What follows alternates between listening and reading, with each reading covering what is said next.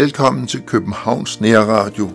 Velkommen til det 45 minutters program om mindfulness. Og det er efterhånden uh, mindfulness nummer 4, mindfulness program nummer 4, vi er, vi er nået til. Og det jeg sad var i gang med, det var en bog af en buddhistmunk, Thich Nhat Hanh, The Miracle of Mindfulness. The Classic Guide står der på den. Og det var en bog, som jeg fik forærende af Kim Bonnesen, der er leder af, af, af psykologrådgivningen i Sind København. Og øh, vi var nået til en historie af Tolstøj. Jeg selv hedder Jesper Sten Andersen. Øhm, Eneboren svarede, hvis du ikke havde forbarmet dig på grund af min høje alder i går, så var du blevet angrebet på vej tilbage og slået ihjel. Så ville du have øh, fortrudt, at du ikke var blevet hos mig. Da du gravede i bedene, så var den vigtigste person mig, og den vigtigste beskæftigelse var at hjælpe mig. Da den sårede kom løbende, så var det vigtigste den tid, du brugte på at hjælpe den sårede. For hvis du ikke havde hjulpet ham, så var han død af sit snitsår, og du ville ikke være blevet forsonet med ham. Han var øh, det vigtigste på jorden, og det vigtigste var at forbinde hans sår. Her øh, er kun en vigtig tid, og det er nuet. Nuet er den eneste tid, vi har til rådighed, eller vi har rådighed over. Den vigtigste person er altid den, vi er sammen med. Den person, der står øh, lige foran dig. Det vigtigste er at gøre ham lykkelig, for det er livets opgave. Tolstøjs historie er som hellig skrift. Den står ikke tilbage, mener buddhistmunken. Vi taler ofte om socialt arbejde, men vi glemmer ofte, at den allervigtigste person er den, der står lige over for os. Hvis ikke vi kan tjene kone eller mand, børn eller forældre, hvordan kan vi så tjene samfundet? Ordet tjeneste er så vigtigt. Tjeneste for en person i nød. Lad os komme ned på jorden. Vi skal tjene vores familier, klassekammerater, øh, være vores venner, vores samfund. Vi skal leve for dem. Hvem ellers skal vi leve for? For øh, Tolstoy er en helgen, hvad vi buddhister vil kalde for en bodhisattva. Man kunne, men kunne kejseren selv se meningen og retningen med livet. Hvordan øh, kan øh, vi leve i nuet, leve lige nu med mennesker omkring os og lindre deres lidelse og gøre deres liv lykkeligere. Hvordan svaret er, at vi må praktisere mindfulness, så vidt den vietnamesiske buddhistmunk. Og så er vi nået til kapiteloverskrift siden 79. Exercises in Mindfulness øvelser i mindfulness. Der fokuseres meget på åndedræt. Man skal sidde eller øh, i hvert fald øh, sidde i lotus eller også gå øh, en tur. Man skal holde øje med åndedrættet og lytte til musik. Jeg inhalerer og følger indåndingen fra, den, i, fra, fra ende til anden. Og ind i mindfulness fortsæt således tre åndedræt. Side 84. Jeg ånder ind og gør åndelægemet let og fredeligt. Fortsæt tre åndedræt øh, og giv anledning til at tænke i mindfulness. Oprethold denne tanke i mindfulness fra 5 til 30 minutter eller en time, hvis du er i stand til det, og den tid, du har til rådighed. Overskrift i delafsnitten Mindfulness ved lægemets positioner. Overskrift på delafsnitten Mindfulness, mens man forbereder til side 86. Undgå øh, abrupte og pludselige bevægelser. Oprethold åndedrættets mindfulness, især når dine tanker vandrer. Side 87 deloverskrift En dag med mindfulness. Side 88, når man sidder og læser eller skriver breve, så oprethold din mindfulness. Lad ikke teksten eller bogstaverne lede dit sind et andet sted hen. Side 91. Dernæst kommer buddhistmunken med nogle syge og afsporede betragtninger og at meditere på en afdød person. Man skal gøre sig klart, mener buddhistmunken, at kødet er rådnet bort, og at der kun er skelettet tilbage, et skelet, der ligger under jorden. Dernæst følger nogle betragtninger over tomhed, side 92. Øhm, de, de næst følgende betragtninger over detachment, altså distance eller adskillelse, og så skriver øh, side 101 amerikaneren James Forrest et kapitel under overskriften Nat Han um, Seeing with the Eyes of Compassion. Uh, som om buddhismunken ser på det hele med barmhjertige øjne. Man skal holde sig for øje, at der er skrevet under Vietnamkrigen, og at amerikaneren var imponeret over denne buddhistmunk i 40'erne, der øh, overvinder had med kærlighed og således bryder den endeløse voldspiral, skriver James Forrest i sit efterord. James Forrest skrev, at Nat Han buddhistmunken ofte kalder sine meditationsøvelser for mindfulness. Først på det seneste er han begyndt at undervise i meditation. Nu har han skrevet en lille bog der om miraklet mindfulness, en meditationsmanual.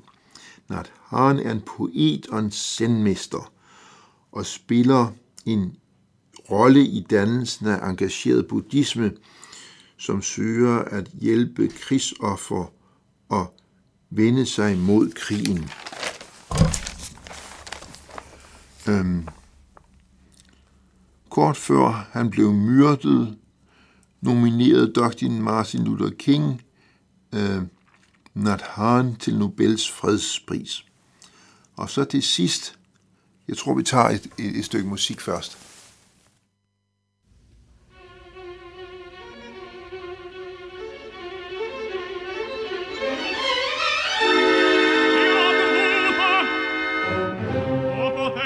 Suprema un altro ed è mio padre un altro e questo il re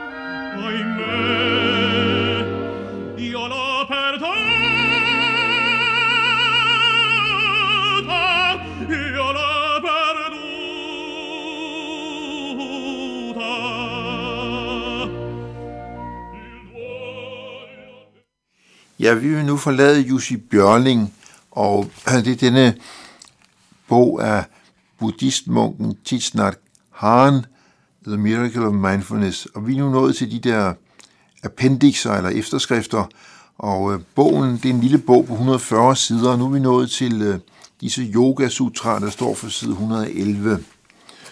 Øhm, grundlagene for mindfulness. Satipatthana Sutta, de fire grundlag for mindfulness. Kontemplation af kroppen for det første. For forstående og mindful overvinder buddhisten i denne verden begær og sorg.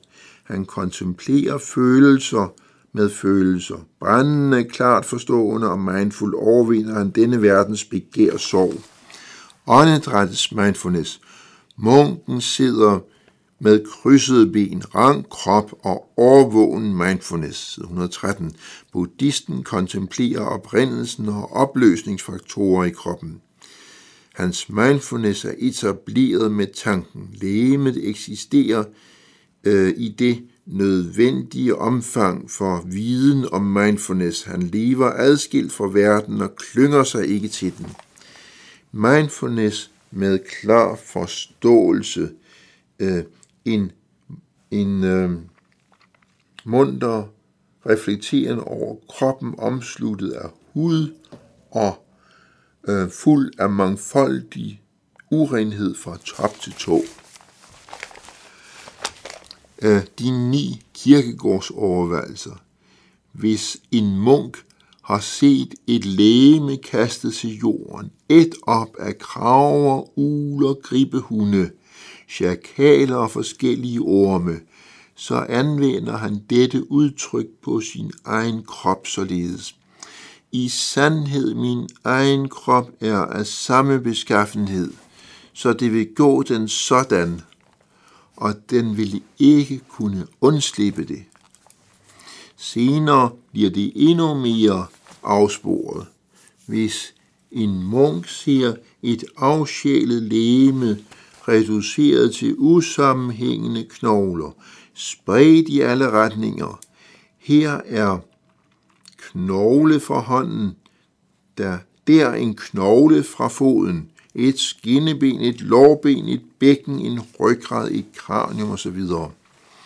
Side 120. Mindfulness er etableret med tanken. Bevidsthed eksisterer i nødvendigt omfang for viden om mindfulness, og han bliver adskilt fra verden og øh, klynger sig ikke til den.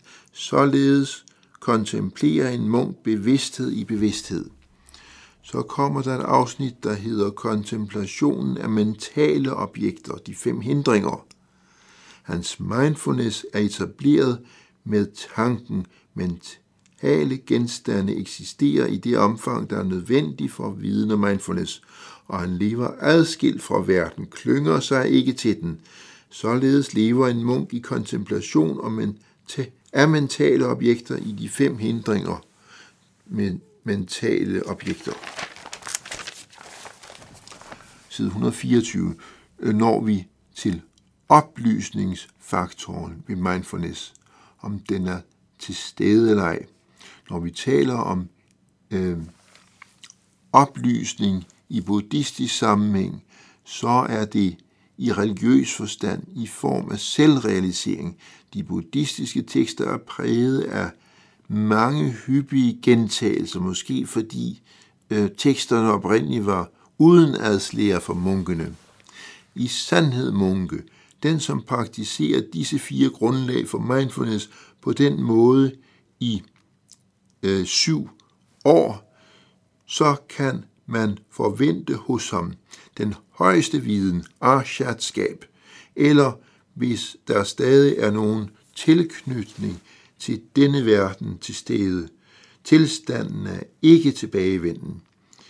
Her må man huske, at det højeste øh, mål i buddhismen er ikke længere at knytte sig til denne verden. Det som på engelsk hedder detachment.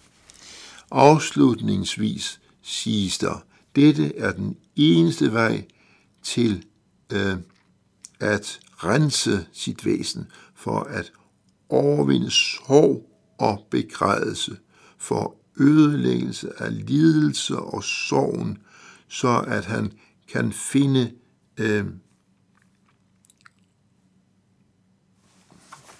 den rette vej og opnå nirvana, nemlig de fire grundlag for mindfulness. Således øh, den velsignede og munkene billigede til frisse hans ord. Diskurs om åndedrættets mindfulness. Øh, Anapanasati Sutta, oversat fra Pali. Åndedrættets mindfulness kultiveret og praktiseret bærer stor frugt og er til stor gavn. Åndedrættets mindfulness, kultiveret og praktiseret, bringer de fire grundlag for mindfulness til fuldkommenhed. De fire grundlag for mindfulness, kultiveret og praktiseret, regelmæssigt bringer de øh, syv oplysningens faktorer til fuldkommenhed. De syv oplysningsfaktorer, kultiveret og praktiseret regelmæssigt, bringer visdom og forløsning til fuldkommengørelse. På side 131 er der et afsnit om fuldkommengørelsen af, af fundamenterne neden under mindfulness. Når en munk opholder sig i øh, kontemplation af krop, følelser, sind og sindets objekter, bliver han brændende, uoverskygget og fuldkommen gjort. På denne måde af, udvikler oplysningsfaktorerne mindfulness, realitetsundersøgelse, energi, henrykkelse, sindsro, koncentration og ligevægt, baseret på distance, ophør, hvilket, øh, ophør, hvilket resulterer i det at give slip. Således talte den ophøjede glad om hjertet, frydede øh, munkene sig over den velsignedes ord. Kontemplation af tanken i fra øh, Siksa sa, øh, Sukhaya, oversat fra sanskrit. Tankens stabilitet, dets målrettighed, dens ubevægelighed, dens ikke distraherethed. Det kaldes også tankens mindfulness. Det er ikke at dvæle ved det ikke betingede.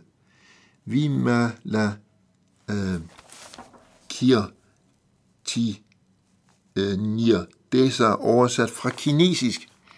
Det drejer sig om en bodhisattvas, øh, der kontemplerer tomhed.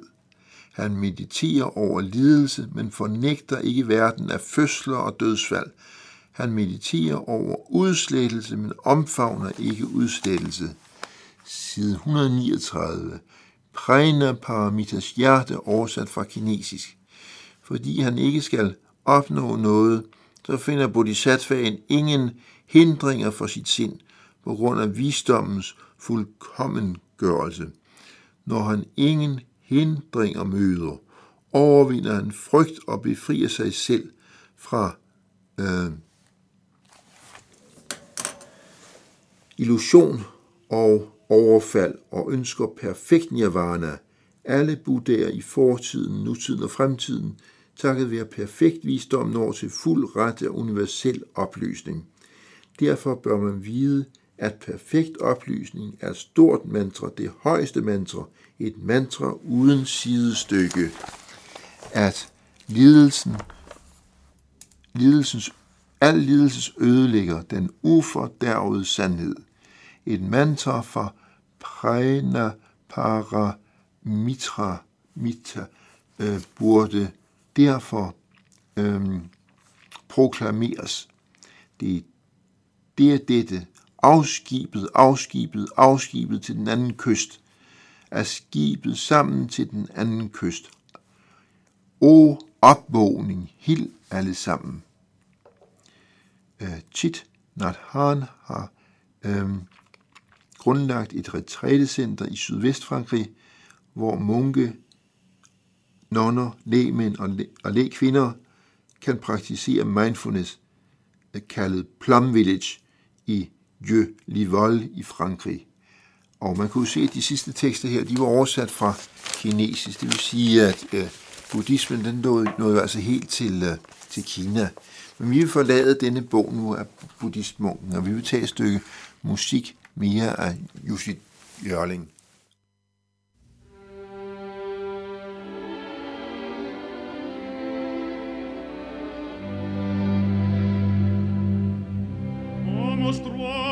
Colpa Io non vorrei che un sogno. Un sogno che rivela un fatto. Un sogno che può dar forma di prova d'altro indizio E qual? Qualor vedeste in mano di Desdemona un tessuto trapunto a fior e più sotil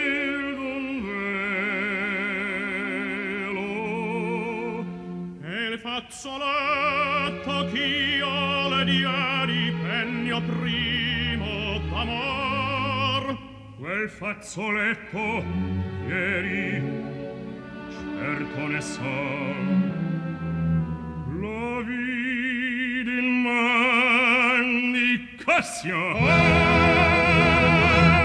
mi levete l'idolo sentì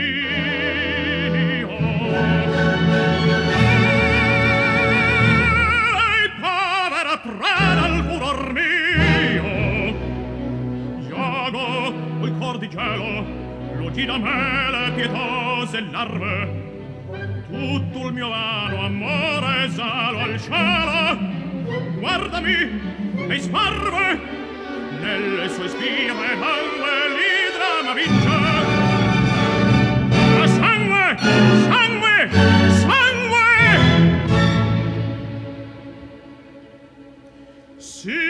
che il ciel marmore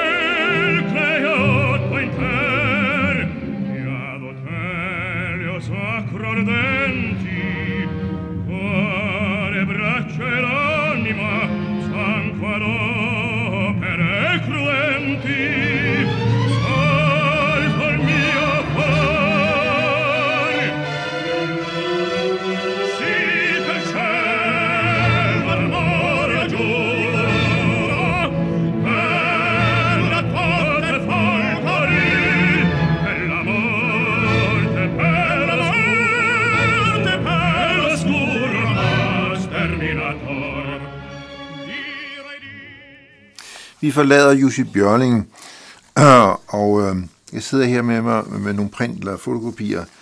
Øh, øh, jeg skrev jo et brev til Indre Missions nuværende formand, Hans Ole Bækgaard, for at få støtte i mindfulness-sagen. Hans Ole Bækgaard undlod at komme ind på emnet, men øh, henviste til sovnepræst Nils Underbjerg i København, øh, som jo er special, har specialiseret sig i nyreligiositet og han besøgte mig så og tog nogle fotokopier med. Jeg sidder her med nogle af dem. Øh, Det er Mindfulness og kristendom, en kamp på menneskesyn. Det er ved Johannes Åkær Stenbuk. Forskere har hævdet, at mindfulness egentlig ikke er specielt mere effektivt end gode gåture, musik og havearbejde. De moderne selvudviklingsteknikker bør, bør forstås religiøst og som et spørgsmål om menneskesyn. Tak dig selv for, at du er din egen bedste ven. Hvis jeg ikke husker helt forkert, var det sådan, ordene fandt hen mod slutningen af den sidste af tre sessioner med mindfulness i min A-kasse. Vi havde i første session fået at vide, at der var tale om et strengt videnskabeligt kursus helt uden religiøs og filosofisk ballast. Det skulle som forventet vise sig at være en sandhed med modifikationer. Udsagn af typen, du er ikke dine tanker, og din fortid har ingen magt over dig, er ikke neutrale videnskabelige påstande, men stærkt filosofiske postulater. En række forskere har hævdet, at mindfulness egentlig ikke er specielt mere effektivt end gode gåture, musik eller havearbejde. Hvis det er korrekt, skal vi måske finde årsagen til teknikkens fascinationskraft andre steder end i dens angivelige virkninger. Som mange allerede har peget på, bør de moderne selvudviklingsteknikker forstås religiøst og som et spørgsmål om menneskesyn. Det religiøse aspekt blev på nævnte kursus ikke mindre tydeligt under aktiviteten aktiv meditation. Voksne og unge af vidt forskellige slags, i alt 20-25 stykker, spjættede med arme og ben, kastede sig ud i tale i et sprog, du ikke kan, for eksempel hebraisk. Altså det, vi i kirkelig sammenhæng kalder tungetale. Det mindede til forveksling om en gudstjeneste i en pinsekirke af de mere vilde af slagsen. Mindfulness, som har rødder i buddhisme, handler om helt, helt enkelt om at opnå koncentration og selvkontrol for at fokusere på sin vejrtrækning. Fint nok, der er intet galt med opmærksomhedsøvelser. Der, hvor det begynder at blive mærkeligt, er, når den slags øvelser, som egentlig skulle hjælpe os til at være til stede i nuet, bliver knyttet til et instrumentelt formål som jobsøgning. På kursus blev også den populære tyske lev i nuet guru Eckhart Tolle, kendt for sin bog Nuets Kraft, hævet frem for YouTubes digitale gemmer. Budskabet var enkelt. Det handler ikke om at dømme hverken sig selv, sin situation eller andre. Hvorfor stride imod den virkelighed, du alligevel ikke kan gøre noget ved, sagde den lille mand på videoen med en blød tysk accent. Det er sagt mange, der er sagt mange kloge ting om det problematiske i, at stress og konflikter i dag internaliseres og gør til den enkeltes eget problem, snarere end udtryk for samfundsmæssige strukturer, som burde ændres. Psykologiprofessor Svend Brinkmann har med rette peget på, hvordan selvhjælpsindustrien gør mennesker til usikre og selvoptaget børnevoksne, ligesom afdøde biskop Jan Lindhardt øh, jævnligt påpegede det uheldige ved, at buddhismen i en særlig vestlig aftapning er ved at være mere udbredt end kristendom. Filosofen Slavoj Zizek har også været ude med riven. Den vestlige buddhisme er en fetish, skriver Zizek, der gør os i stand til at lade, som om vi accepterer virkeligheden, som den faktisk er. Teknikker som mindfulness muliggør deltagelse i en ellers ukontrollerbar kapitalisme, hvor alt flyder ved at bibringe en forestilling om, at vi i virkeligheden ikke rigtig deltager, og at vi altid kan trække os tilbage til vores indre selv. At der undervises i mindfulness hos en A-kasse er ikke så underligt endda, for det er netop A-kassens opgave at klæde sine medlemmer på til det moderne arbejdsmarked – der er gode grunde til, at mindfulness er blevet populært. Stress og udbrændthed er blevet en folkesygdom. Som sociologen Rasmus Willig har bemærket, handler selvudvikling i dag derfor ikke længere om at undgå stress, for det er slet ikke muligt, men at acceptere, at man før eller siden falder, for så til gengæld at rejse sig hurtigere end de andre, ved at håndtere sin situation korrekt. Først og fremmest skal man acceptere sin situation og leve i nuet, som Eckhart Tolle udtrykker det. Tanken om at lære at acceptere sin situation, for det at være for magt over den, stammer dog ikke så meget fra buddhismen, som fra den tyske nyplatonske tænker Meister Eckhart, som Eckhart Tolle har taget navn efter. Der er tale om et tankemotiv, som i den kristne tradition betegnes resignatio ad infernum, altså et menneske givet efterlader sig kaste i de dybeste åndelige helvede, for derved, for netop derved er frelses, ikke fra, men igennem helvedet. Budskabet om at acceptere sine situationer, ikke at dømme, er der i sig selv ikke noget galt med tværtimod, men eftergivenhed er den kristne tradition noget, mennesket selv vælger. Men den selvfornægtelse, som følger, når Gud til intet gør og genskaber mennesket selv – det er ikke noget, mennesket selv kan vælge eller træne sig til. Kun i relation til Gud lærer mennesket at acceptere sin situation. Mennesket handler om, at Gud hjælper det menneske, der ikke kan hjælpe sig selv. Problemet med mindfulness er ikke så meget teknikkerne i sig selv, men det menneskesyn, der ligger bag, samt deres funktion, når de anvendes til for eksempel karriereoptimering eller jobsøgning. Som Ole Skærping Madsen, præst og kender af nyreligiøs bevægelse, har bemærket, er der tale om en væsentlig forskel på kristendommens menneskesyn og det, der ligger bag mindfulness og Eckhart Tolles teorier. Hvor kristendom taler om mennesket som person i relation til andre, ser sidstnævnte mennesket som ren bevidsthed. Det mest bemærkelsesværdige er dog meditationsteknikker, som mindfulness gør fremmedgørelse til en dyd. Det er det, der sker, når mennesket sættes til at observere sine egne tanker og følelser som flygtige fænomener, der flyder forbi, uden at vi behøver at engagere os i dem. Fremmedgørelse er, når, når alt gøres til ejendom, så det at være forandret til det at have. Øh, arbejdsløs er ikke længere noget, man er. Nu har man i stedet et nyt karrieremål, så, som det også formuleres hos A-kassen. Selvom vi ifølge kristendommen er skabt i Guds billede, kan vi ikke uden videre skelne mellem en indre kerne, som udgør menneskets væsen, og så noget ydre, som er uvæsentligt. Vi hele mennesker og menneskets sjæl er ikke en indre kerne, men hele vores livshistorie og håb for fremtiden. Det er derfor slet ikke muligt at leve i nuet. Mennesket tværtimod karakteriserer sin tro, sit håb til fremhed, fremtiden og sin kærlighed til andre mennesker. 1. Korintherbrev kapitel 13, vers 13. Der er i kristendommen heller ikke tale om, at mennesket er sin egen bedste ven, som vi blev lært om på nævnte A-kassekursus, men om at mennesket sættes over for noget radikalt andet Gud, som befrier det fra sin selvoptagelighed og muliggør et levende fællesskab med andre mennesker under kærlighedens fortegn. Men næste kærlighed er givetvis ikke særligt effektivitetsoptimerende. Næste kærlighed er det sidste konkurrencestaten har brug for, hvor målet i kristendommen er en engageret næste kærlighed. Er det i den moderne kapitalisme en effektivisering af mennesket selv, hvor det kristne evangelium vil knytte mennesket i ansvar til, den, til sin næste, vil den moderne mindfulness og selvhjælp erstatte kærlighed med en diffus, distanceret medfølelse for individets egen skyld. Tilhængere af mindfulness hævder, at de ønsker at sætte mennesket fri, så det selv kan vælge sine relationer med den frihed, som loves, er en illusion en fetis for at bruge Sisets udtryk.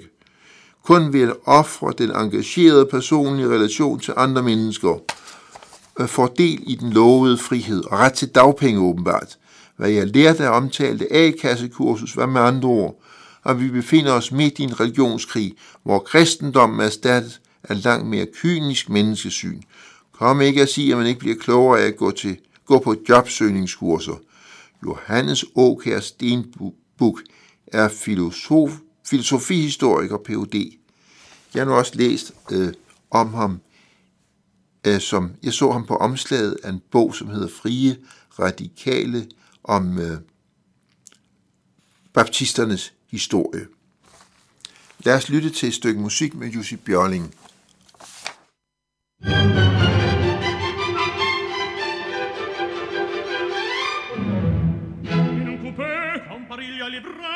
mi salutò ridendo tu musetta le dissi e il cor non batte o non lo sento. Grazie al velluto che il copre. C'ho gusto d'aver C'ho gusto d'aver. Loyola va Ti rodi e ridi. Non batte bene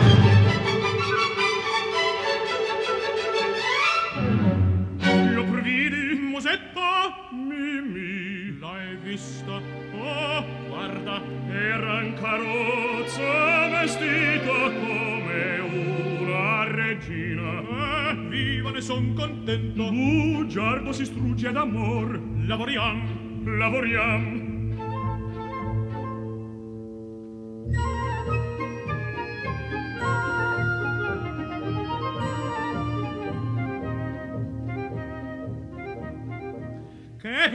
men ein Fahrer. Infame Penello.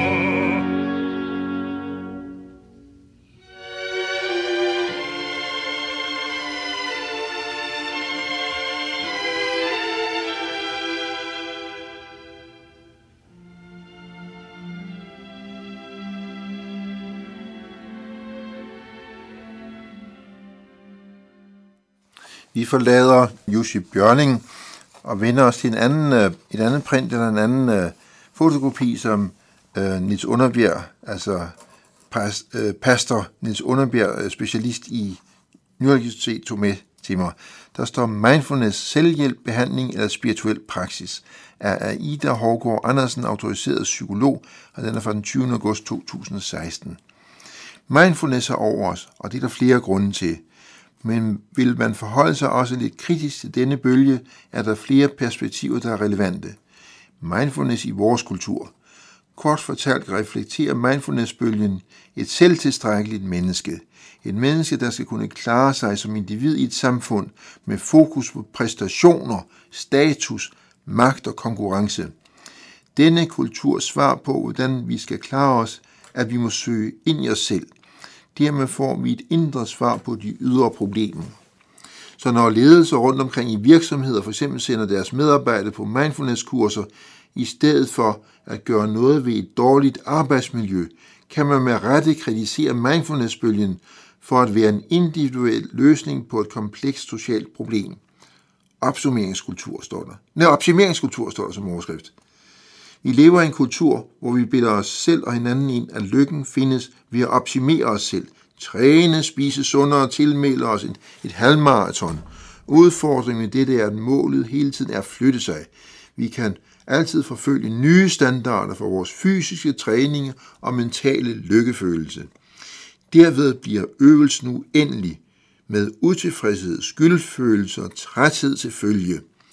Brugt på denne måde bliver mindfulness en teknik til at kunne løbe stærkere og optimere os selv, og risikoen er altså, at det modsatte sker, fordi vi altid kan blive endnu bedre. Så kommer der en ny overskrift, mindfulness som behandling.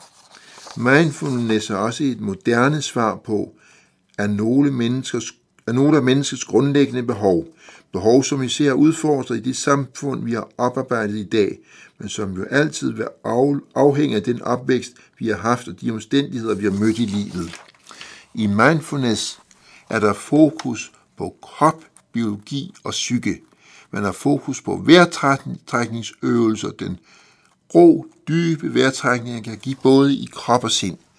Samtidig opøver man evnen til at være til stede i nuet, frem for i fortiden eller fremtiden. Denne evne har en positiv indvirkning på psyken da den mindsker både grupperier over fortidens fejl og bekymringer, over fremtidens uvidshed. I stedet hjælper den mennesket til at forholde sig til det liv, der er lige nu og her.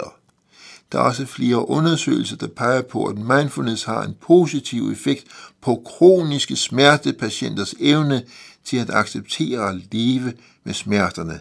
Lacour Petersen. Der står der en faktaboks, overordnet forskelle – Mindfulness stammer fra buddhismens tanke om, at livet er lidelse. Og i kristendommens side, livet er en gave og en opgave.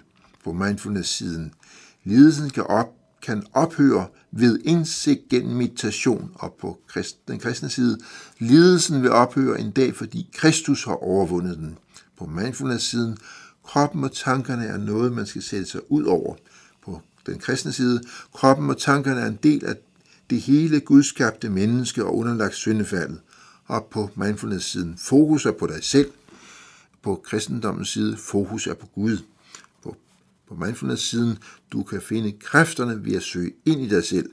På den kristne side, du kan finde kræfterne ved at søge ind og modtage fra Gud. Kan ikke stå alene, står der som overskrift. I forhold til en helhedsorienteret behandlingsmodel, den såkaldte biopsykosociale model orienterer mindfulness sig primært som mod krop og psyke. Det kan være problematisk, hvis mindfulness kommer til at stå som det eneste eller vigtigste behandlingstilbud. Hvis vi ikke tager højde for det hele menneske, at vi både har en krop, psyke, men også sociale væsener, så snyder vi os selv og hinanden. Vi kommer til at stå meget alene med vores livs udfordringer, hvilket er stik imod, hvad utallige undersøgelser og erfaringer har vist. At social støtte, det har mennesker tæt på. Man kan regne med, at det, der betyder mest, når man går igennem noget, der er svært. Når det er sagt, kan for eksempel vejrtrækningsøvelser og øvelser i at fokusere og være til stede, som er grundelementer i mindfulness, være gavnlige og for nogle afgørende i behandlingsforløb af for eksempel stress. En sund balance står der som overskrift. Vi kan som mennesker have levet et liv med stort fokus på andres behov, på ens egne, at ens egne behov er blevet syltet i en grad, så det er blevet usundt og måske skadeligt. Det kan derfor i en periode være brug for, en, for ekstra fokus på at mærke mig selv og mine egne behov. Målet med behandlingen bliver, at jeg optræner evnen for på sigt at finde en sundere balance mellem at tage hensyn til både andres behov og mine egne. Mindfulness skal blive en stor hjælp i en sådan psykisk træningsperiode. Det betyder ikke, at man skal gå til det resten af livet, men måske er der enkelte af øvelserne, man kan tage med sig i dagligdagen bagved, bagefter for vedligehold og forebygge. Mindfulness som spirituel praksis er der en overskrift. Mindfulness har råd i buddhismen har derfor fokus på kroppen gennem meditation. I nogle udgaver af mindfulness kombineres fokus på krop og psyke derfor med en spirituel tilgang, hvor man henter elementer fra det religiøse univers. For eksempel ved at ringe med en klokke, når øvelserne indledes og opmunder til, at man lader meditationen blive en livsstil med daglige rutiner, som mange kristne vil kunne genkende fra bøn og andagsliv. En af de helt store forskelle på kristendom og meditation er fokus. I mindfulness oplæres man i at hente energier, trivsel og overskud fra kilden i sit eget indre. I kristendommen lærer man at hente kærlighed, mening og værdi fra kilden Kristus, som kan tage bolig i menneskets indre, men som samtidig er noget uden for os, uden for os større end os mennesker. Kristne udgaver. Der findes krist, der udgaver mindfulness, der har rod i kristen tænkning og meditationspraksis, for eksempel crashfulness og bøn i bevægelse. Se anden artikel i emneserien på areopagos.dk. Her er mange elementerne de samme som i mindfulness, med fokus på åndedræt, kroppen og de er til stede her nu. Samtidig kombineres det med elementer fra den kristne tænkning, for eksempel via fokus på lyset fra Gud eller kraften fra Kristus. Kristne kan have det forskelligt, også når vi har brug for hjælp og behandling.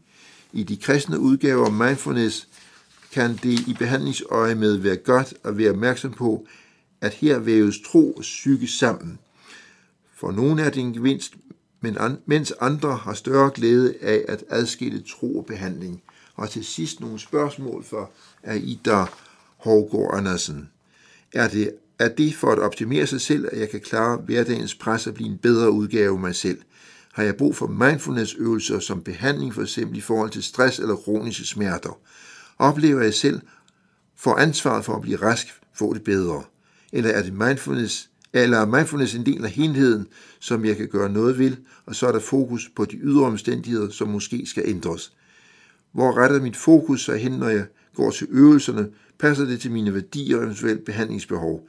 Har jeg brug for at adskille tro for psykisk behandling, eller vil det være en gevinst at kombinere det? Vi kan ikke nå mere. Det er slut med øh, mindfulness øh, program nummer 4. Jesper Sten Andersen siger tak til lytterne, og, og tak for nu.